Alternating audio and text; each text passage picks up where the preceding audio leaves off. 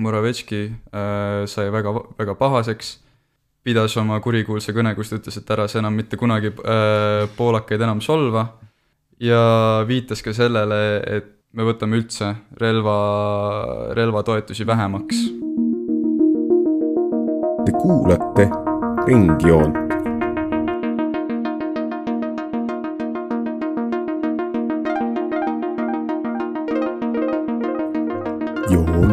Ringis.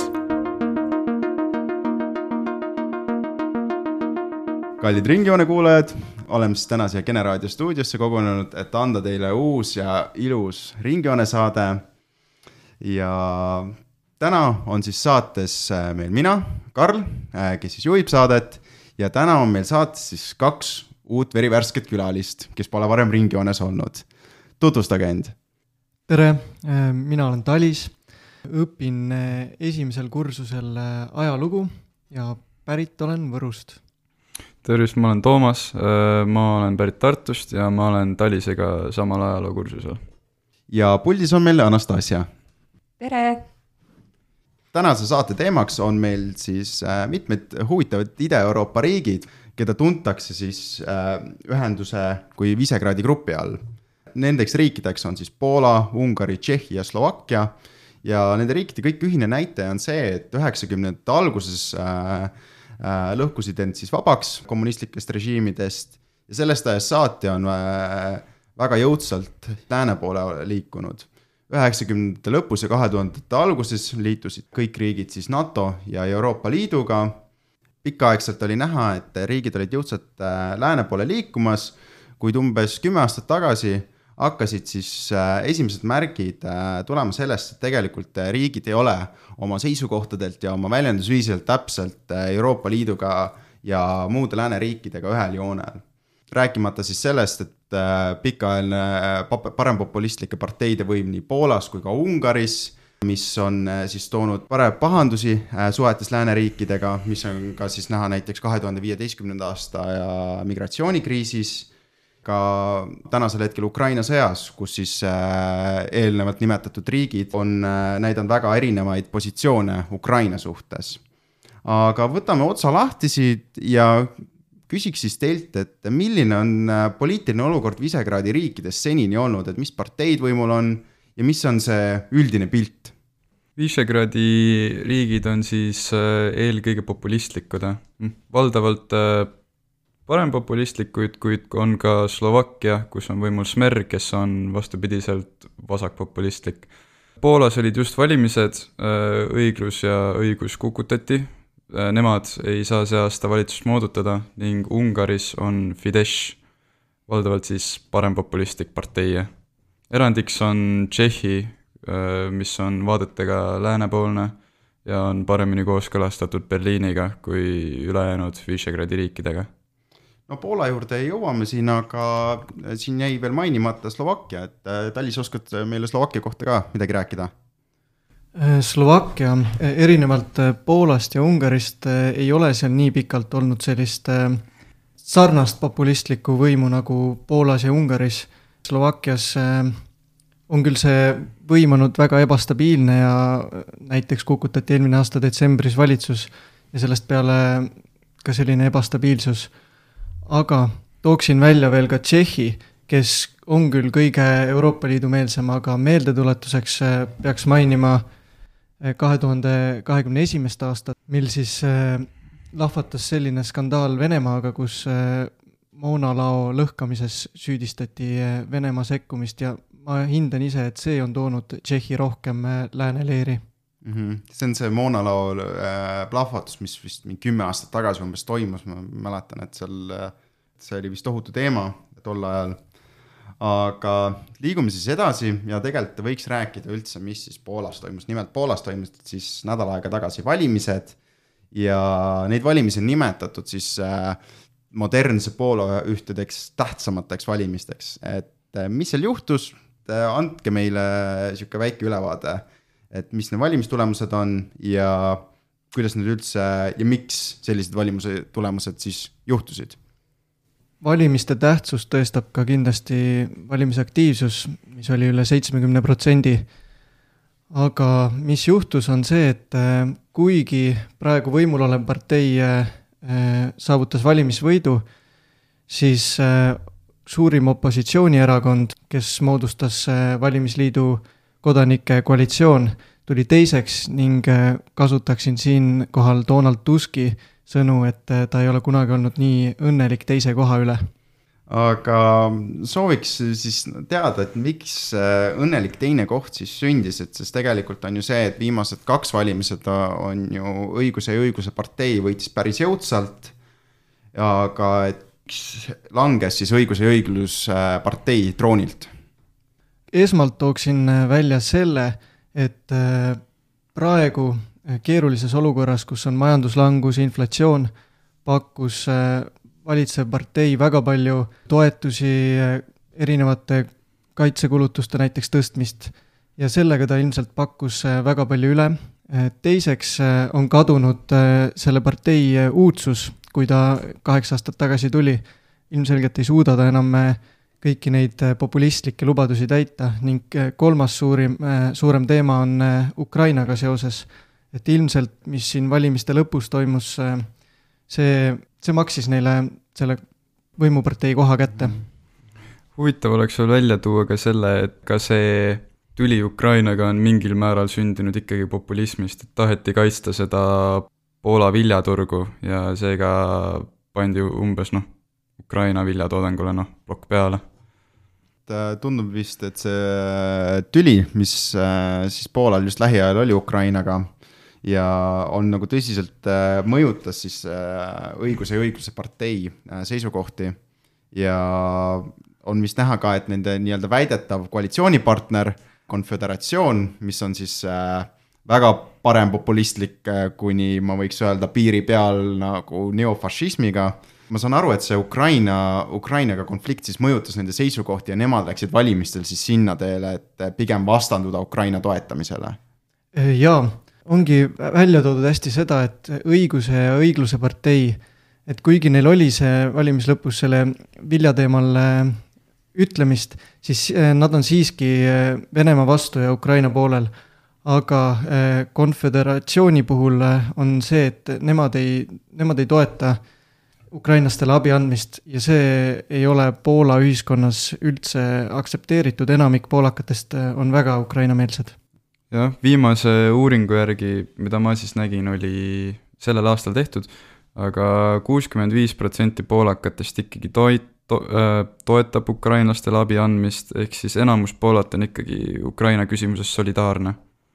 aga mis oli siis äh, selle liberaalse koalitsiooni, ma saan aru, et siis see koosneb sellest kolmest parteist, see kodanikukoalitsioon, kolmas tee ja siis äh, vasakpoolsed äh, saate väikse iseloomustuse ka kõikidest neist parteidest tuua ja mille eest nad siis valimistel seisid? Äh, üldiselt veel tahaks valimiste kohta seda öelda, et seda hinnati väga allakäinud äh, debatiks, sest et palju oli emotsioone ja vähe oli argumente. Aga mis tõi kodanike koalitsioonile nii hea tulemuse, on ikkagi Donald Tusk, kes suutis inimesed enda ümber koondada ja, ja suutis ka kahtlejad hääletussedelite juurde tooma. Mis oli siis äh, selle liberaalse koalitsiooni nagu põhi äh,, põhieesmärk valimistel, et ma saan aru, et äh, kõigil oli see kaldus, et nad ei olnud nii parempoolsed, kuigi ma saan aru, et äh, kodanike koalitsioon äh, koos Donald Tuski äh, siis äh, parteiga on selline nii-öelda paremtsentristlik pigem, aga seal koalitsioonis olid ka veel siis vasakpoolsed ja kolmas tee, mis on ka selline tsentristlik, paremtsentristlik, et äh, mille eest, äh, mis neid siis ühendas nendel valimistel? Neid ühendas ikkagi see PIS-i ehk äh, õiguse ja õigluse sisuliselt ainuvõim ning nende tehtud, selle kaheksa aasta jooksul tehtud erinevad muudatused, et kõige teravam küsimus võib-olla on see justiitsreform, mis läbi viidi. Ning selle tagasipööramine saab ilmselt olema nende üks põhilisi sisepoliitilisi eesmärke. mis te ise mõtleksite, et kui nüüd tuleb see uus liberaalne valitsus saab võimule? Et mis oleks nagu esimene asi, et äh, mida nad siis hakkaks ikka nagu muutma, et sa mainisid, et see justiitsreform, et kas nad läheksid selle kallale või nad hakkaksid hoopis, äh, prooviksid algselt Euroopa Liiduga oma suhteid parandada, sest seal on ka päris palju ajalugu taga ja tundub, et Poolal on ka vist päris hea põhjus, miks äh, oma suhteid Euroopa Liiduga parandada. jaa, kindlasti üks äh, eriti magus amps on neile need külmutatud toetused, mida on äh, umbes kolmkümmend viis miljardit. et kui see Poola riigieelarvesse saada, siis ilmselt Tuskil oleks väga mugav valitseda kindlasti üks suuremaid äh, jutupunkte Poolas oli ikkagi äh, Ukraina toetus ja see, kuidas seda ei tohiks mitte vähendada, vaid vastupidiselt isegi suurendada. tulles veel selle justiitsreformi juurde, siis äh, välja on toodud väga seda, et seda on üpris keeruline tagasi pöörata ja kindlasti ei ole võimalik see kiire ajaga, kuna peagi võimule tulev koalitsioon plaanib seda kindlasti teha seadustele tuginedes, aga seadused on vahepeal muudetud ning äh, nende piires muudatusi teha on ilmselt äh, päris keeruline ja vahepeal on ka palju kohtunikke välja vahetatud, mistõttu kõik äh, see võtab aega ja ei ole võib-olla nii lihtne, kui oma loosungitega valimistel lubati. aga kuidas kommenteeriksite ka siis seda Ukraina olukorda, et võiks siis Poola, Poola puhul Ukraina osas muutuda? Kui valimiste lõpus hakkas natukene kõlama seda, et lõikame üldse toetuse ära või vähendame seda, siis äh, Donald Tuski üks jutupunktidest oli täiesti vastupidine, et seda ei tohiks mitte mingil juhul kärpida, et seda tuleks just suurendada, kindlasti seda ka tehtakse selles mõttes. ja Ukraina teema juures äh, kindlasti saab Tuskile raske olema see, kuidas, äh, kuidas ikkagi kõnetada ka neid valijaid, kes oli õiguse ja õigluse taga, kes siis valdavalt on äh, talunikud ning kindlasti peab tegelema sellega, et äh, Ukraina odav vili ei kahjustaks liialt ka Poola enda äh, agraarmajandust. aga minu meelest, kas sellele mitte lahendust ei leidnud, leitud, et see vili läheb otse Ukraina piiri äärest Leetu, kus ta siis saadetakse laiali, minu meelest?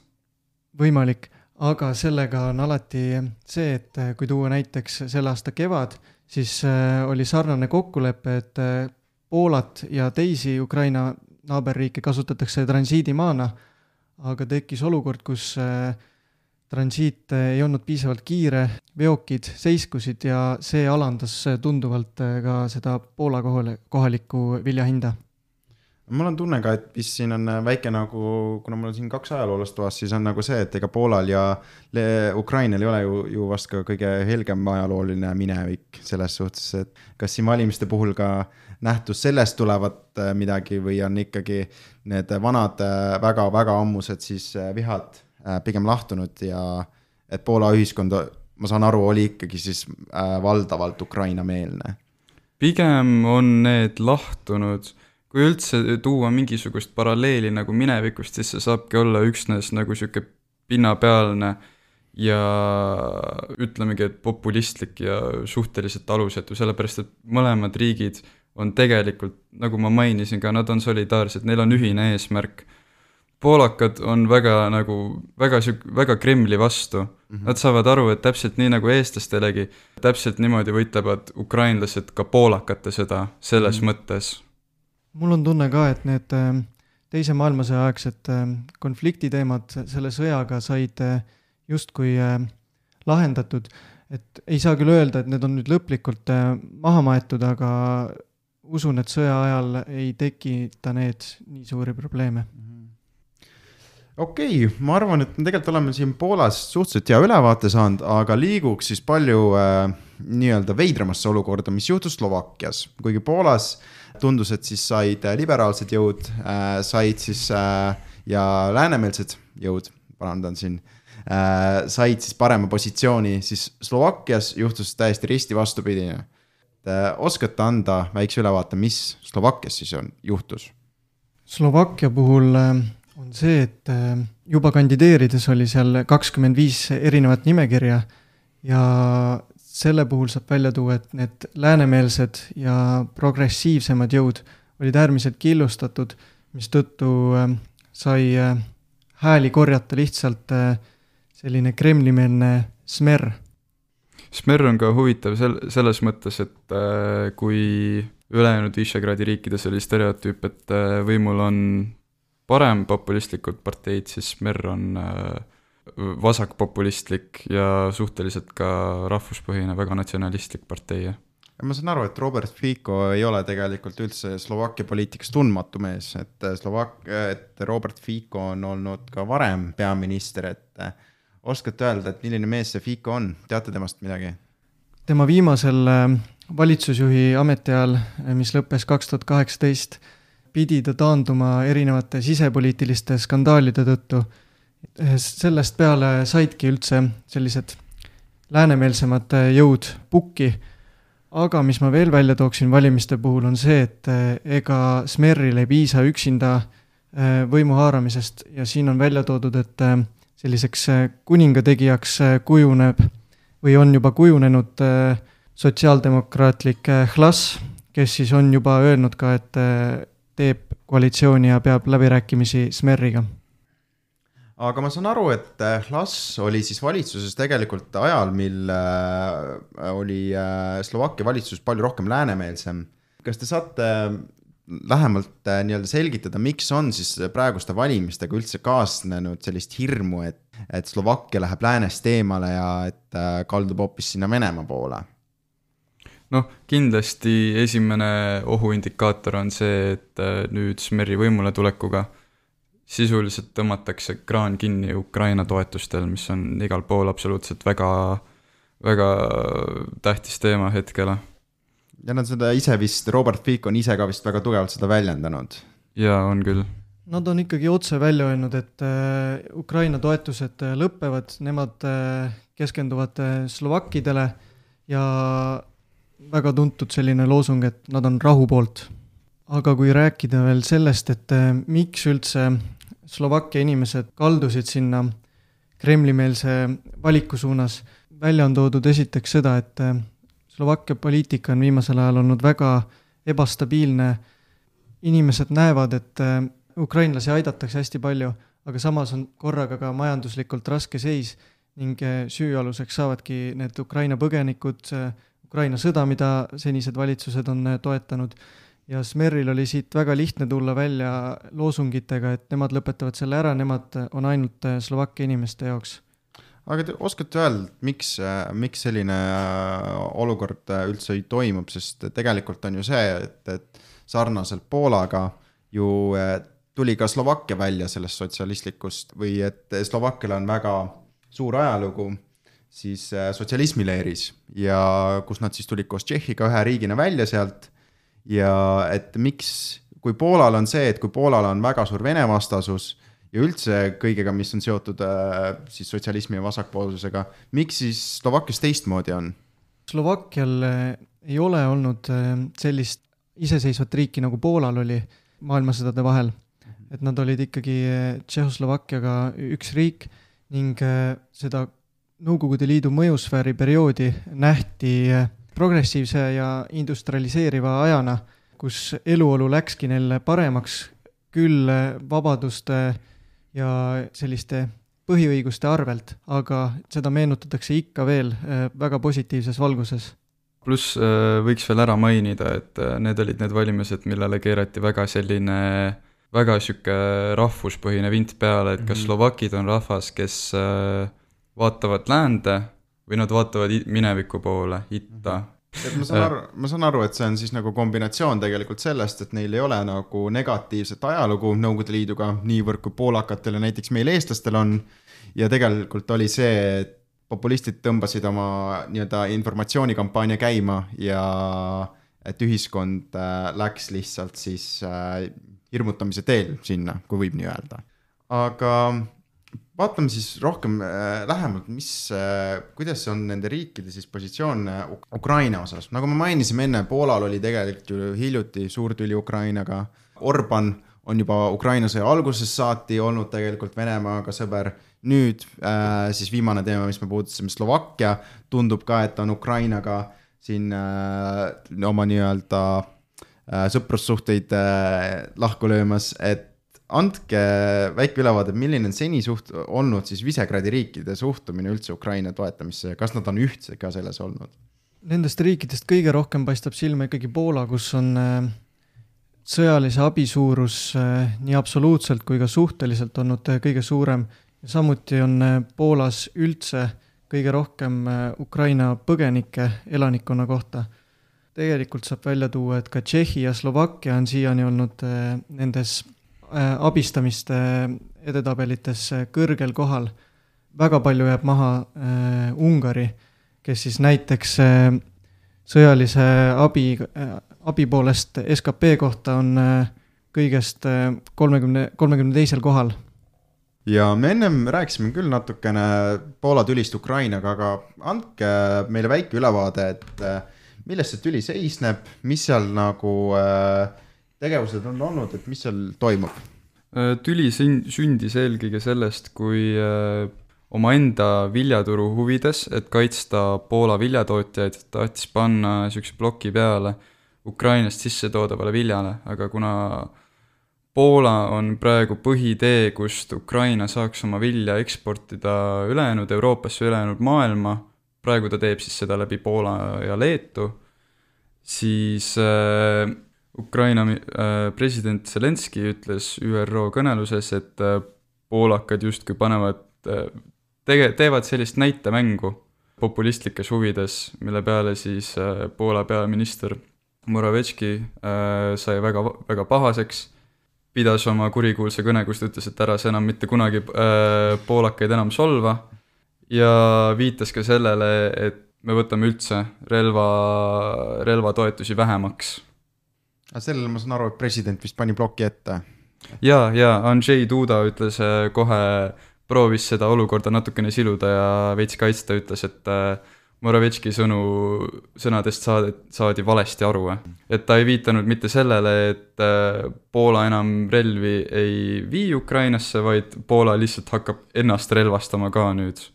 ehk siis tegelikult prooviski teda noh, kaitsta sisuliselt.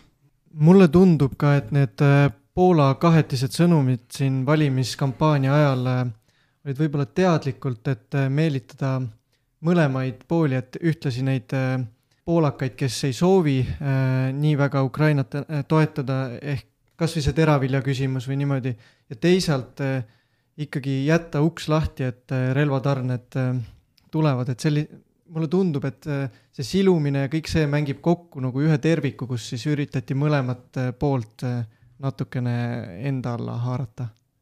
aga ma arvan, et siis noh, enamjaolt saime äh, sellest olukorrast aru, aga ma tegelikult tahaks mis on äh, teada rohkem sellest, et äh, mis on üldse toimumas Ungariga.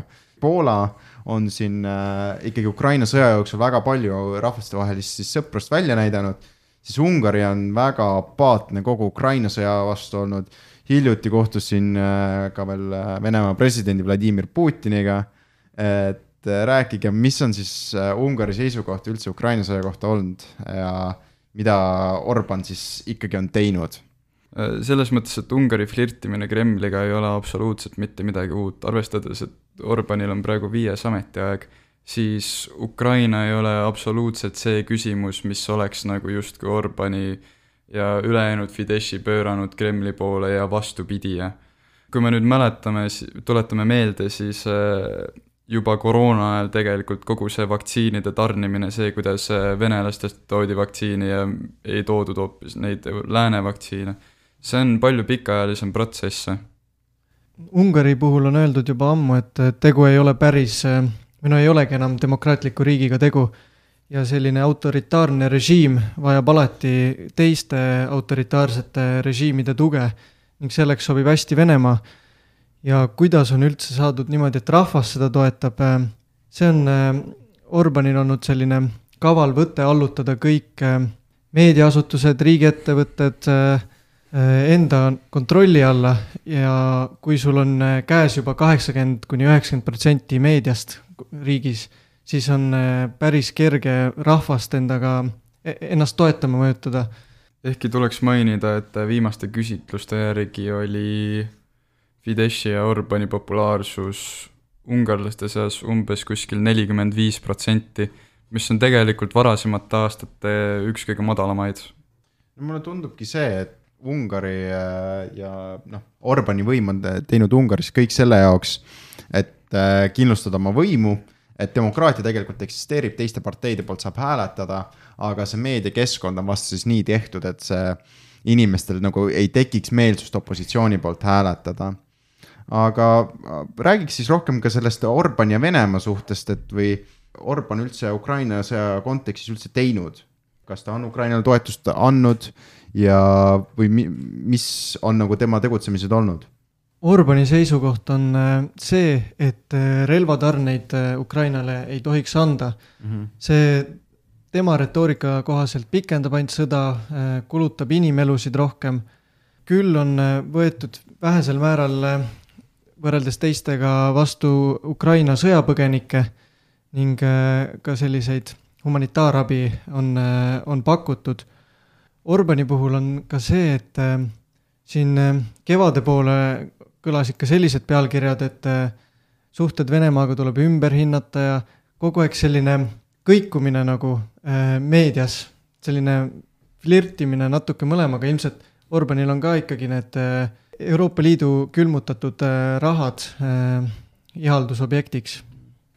ka Ungari suhted lääneriikidega on üldse ju selles suhtes väga veidras positsioonis, et näiteks ka ju see Ungari suhtumine Rootsi NATO-sse võtmine on olnud ju väga või noh, Ungari on siis väga tugeva veto Rootsi, Rootsile pannud NATO suhtes, et oskate seal ka midagi öelda, et on seal muutusi tulnud või on olukord suht sama? Rootsi suhtes on äh, Orban öelnud, et äh, nad ei ole otseselt vastu, et Rootsi kuuluks NATO-sse aga samal ajal äh, peavad äh, Rootsi ja Ungari suhted äh, paranema. ja mulle tundub jälle, et siit kõlab sellist, nende loosungitega üritatakse mitte halvendada Venemaaga suhteid. sõja ajal mulle tundub, et Orban pigem üritab selle teemaga mitte tegeleda, et praegu on tal veel abiks ju Türgi, kes ei ole samuti äh, Eh, seda ratifitseerinud, et seni on, seni on võimalus tal selle eh, Ungari-poolse ratifitseerimisega mängida. eks see, kogu see Rootsi küsimus tegelikult annabki talle mingisuguse nagu eelise, midagi, millega justkui nagu mängida omaenda huvides, et kui ta tahab näiteks Euroopa Liidult midagi või Rootsilt midagi, siis vastutasuks on justkui see, et Ungari laseb nad NATO-sse sisuliselt okei okay., et ma saan aru, et äh, nii-öelda Ungari on olnud siis sihuke püüdnud sihukest enda mängu mängida selle, enda mängu mängida ja pigem ei, ei taha ka niivõrd, äh, on nagu mingis mõttes osa läänest ja NATO-st ja Euroopa Liidust, aga et ta seal mängib ka päris suurt mängu siis ka Venemaaga ja Hiinaga ka. aga tahaksin, äh, tegelikult võiks võtta üldse teha ülevaate nagu Visegradi riikidest kui ühtse tervikuna, me oleme rääkinud siin Poolast, Slovakkiast, Ungarist, aga oskate öelda, kui ühtsed on siis Visegradi riigid kui ühe nagu plokina äh, läbi aastate olnud? varem on olnud see äh, noh, see ütleme niimoodi, et kolmik äh,, Poola, Slovakkia ja Ungari, kes on justkui nagu vastukaaluks äh, Berliinile, vastukaaluks ülejäänud Euroopa Liidule kes siis ajavadki natukene sellist konservatiivsemat poliitikat. aga hästi huvitav on nüüd vaadata seda, kuidas noh, Poola sisuliselt vaatab lääne poole ning ega Slovakkia ja Ungari tegelikult, nad ei ole koostöövõimelised. eks varasemates küsimustes nagu pagulaskriisides nad on olnud äh, suhteliselt üksmeelel, on ju. kui äh, võrrelda näiteks Visegradi gruppi äh, Põhjamaade Nõukoguga, siis äh, on toodud välja, et see ei ole selline riikide liit, vaid pigem on äh, tegu diplomaatilise võrgustikuga, kus siis üksteist toetatakse sobivates küsimustes ja minu arust äh, Smerri parteijuht on ise ka varasematel valitsusaegadel välja toonud, et et me ei olegi kõik samad riigid, meil on eri seisukohad, aga me toetame ennast, me toetame üksteist siis, kui me oleme leidnud sama seisukoha mm. -hmm näiteks äh, siis kahe tuhande viieteistkümnendal aastal äh, rändekriis. lisaks see ka, et nagu ma mainisin, siis Poola vaatab läände, aga Ungari ja Slovakkia jäävad sisuliselt kahekesi ja nad ei ole nagu koostöövõimelised. ehkki nad on olnud solidaarsed, siis nad ei saa teha koostööd, sellepärast et kahe riigi vahel on ikkagi nagu tugev vimm. Slovakkias elab äh, märgatav ungarlaste vähemus ja kaks rahvast lihtsalt ei saa läbi, jah no neil on vist ju suht äh, suur ajalooline taust ka. jaa, see on juba, ütleme niimoodi, et isegi mõlema riigi taasiseseisvumisest saati on toimunud neid kähmlusi ja neid äh, lahkhelisid väga tugevaid mm. -hmm. aga liiguks siis, ma arvan, siia saate lõpuossa ja võiks alustada spekuleerimisega, et äh, mil-, milliseks võib tulevikus kujuneda siis Visegradi riikide suhtumine Ukrainasse, et kas toetus väheneb või suureneb kas nad on, hakkavad ühtselt Ukraina poolt, ühtselt vastu või nad lähevad oma vast-, arvamustega täiesti lahku? see sõltub nüüd kõik vähemalt minu meelest sellest, kuidas äh, Poolas võimule tulev koalitsioon ennast tõestab. kui ta suudab ennast rahvale tõestada kui nagu reaalse, reaalse pädeva valitsusena, siis kindlasti võib olla see, et äh, Poola ja Tšehhi Visegradi grupist on justkui poolt aga Ungari ja Slovakkia vähemalt lähiajal ei ole märke, et seal midagi nagu muutuks, eriti kuna valimised ka just äsja olid. ma nõustun sellega, ma ei näe ka Slovakkia või Ungari puhul suunamuutust. kui Ungarist rääkida, siis mulle tundub, et enne Venemaa nõrgenemist või seal poliitilise võimuladvikus millegi muutust äh, ei saa Ungaris ka sellist äh, läänele orienteeritust tagasi tulla? aga võtaks üldiselt siis, et äh, mis on äh, Visegradi riikide tulevik, et ma ei tea, et kas Poola läheb demokraatia teed lõplikult, kas Ungari äh,, Ungaris äh, siis Orbani võim jääb? tähendab, Tusk, Tusk on tegelikult, ta on tehtud poliitik, ta on ennast varemgi tõestanud ja ma usun ja siiralt loodan, et tegelikult ta suudab rahvale ennast tõestada nii nagu ta on seda ka varem teinud? ma arvan, et äh, meile Ungari jääb sellisel kujul alles ning talle tekib kõrvale Slovakkia kujul selline väiksem Ungari. Äh, küll selle erinevusega, et ühes riigis on äh, parempopulistid, teises vasakpopulistid. ja Poola kohta ma arvan, et neil õnnestub päris mitmed asjad meie vaates positiivseks tagasi pöörata.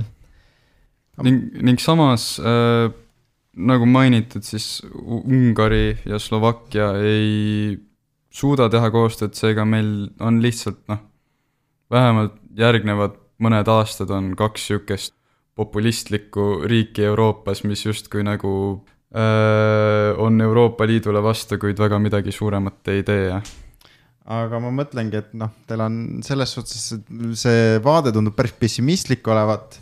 et, et ma sain vist nagu Toomas viimasest lausest aru, et äh, oled ikka siis seisukohal, et äh, nende riikidega midagi ei juhtu, et äh, nad natuke kaugenevad sealt läänest, aga mingit Euroopa Liidust väljaastumist või NATO-sse väljaastumist, sihukest asja ei juhtu neil ma ei usu, et see kummagi riigi huvides on, sellepärast et kui nad tõesti tahaksid seda teha, siis nad ilmselt oleksid seda ka teinud ju varem. Orban on tükk aega mänginud sellist topeltmängu, kus ta nagu justkui kõnnib selle piiri peal, aga kummalegi poole üle ei astu või mm? -hmm. mis sa arvad, Alice? Äh, ma nõustun Toomasega, ma arvan, et äh, NATO-sse kuulumine on, äh, on neile kasulik ja noh, kellele ei meeldiks Euroopa Liidu rahad mm. -hmm. nii et ma arvan, et sealt nad nüüd lähiajal kindlasti välja ei kipu aga ma mõtlen ise, et mis siis, kui äh, läänel saab üks hetk kopp ette ja et äh, kasvõi näiteks Brüsselil ja et panna, tegelikult need riigid pannakse ränga ultimaatumi ette, et kas te arvate, et sihuke olukord võib juhtuda? kui see juhtuks, see oleks midagi täiesti uut, sellepärast et ega NATO-st ega Euroopa Liidust ei ole ju mitte kedagi kunagi välja visatud, alati on ise astutud. aga see olukord, mis peaks selle tingima, peaks olema midagi täiesti nagu ennekuulmatut, umbes et keegi läheb kellelegi kallale või kellestki saabki otseselt lihtsalt nagu ametlik diktatuur, mitte isegi sihuke diktatuur, mis proovib nagu demokraatia muljet jätta, aga umbes, et Orban kuulutabki ennast lihtsalt nagu ainuvalitsejaks eluaegseks. ainult sellisel juhul midagi sihukest võib-olla saaks juhtuda, aga ma jällegi, ma ei, ma isiklikult ei usu ja usun, et see väljaheitmise tee oleks äh, kindel äh, lüke Venemaa poole, et seda kindlasti Euroopa Liit ega ka NATO ei soovi, et, äh, et Venemaa saaks Kesk-Euroopas endale liitlasi, selliseid selgeid, konkreetseid, ühemõttelisi liitlasi juurde pigem siis need märgid tunduvad kahanevat, et meil tekib siin äh, Euroopa sees, laieneb veel siis selle ühe Visegradi riikide ploki nii-öelda poliitiline koostöö. pigem tundub, et äh, Poola, Tšehhi on minemas Euroopa teed ja Slovakkia, Ungari on siis minemas nii-öelda oma teed, äh, kus nad püüavad sinna kahe suurvõimu vahele jääda. just nii. Visegradi riikide puhul on välja toodud, et on ilmselt kolm stsenaariumit et üks on pausi stsenaarium, kus siis äh, koostöö pannakse nii-öelda pausi peale, teine on äh, see, et valimised muudavad asja, mis on siis nüüd juba toimunud. Ja kolmas on, et äh, tõstetakse te teised teemad esile. ma ise usun, kolmas tee võib olla see, mis Visegradi grupis nüüd edasi saab, et koostööd tehakse nendel teemadel, millel saadakse kokkuleppele. Ja ülejäänud teemad siis jäävad praegu välja, et ma ei näe, et nendel, et sa-, samades teemades saaks need riigid enam äh, kokkuleppele jõuda.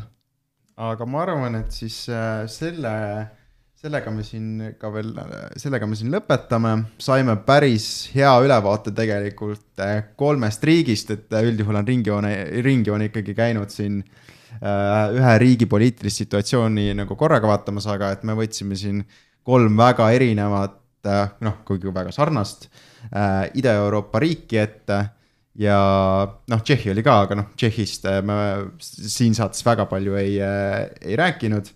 et ma arvan, me saime väga huvitava ja väga hea ülevaate. et aitäh teile saatesse tulemast ja kohtume järgmine nädal, tšau. tšau. tšau.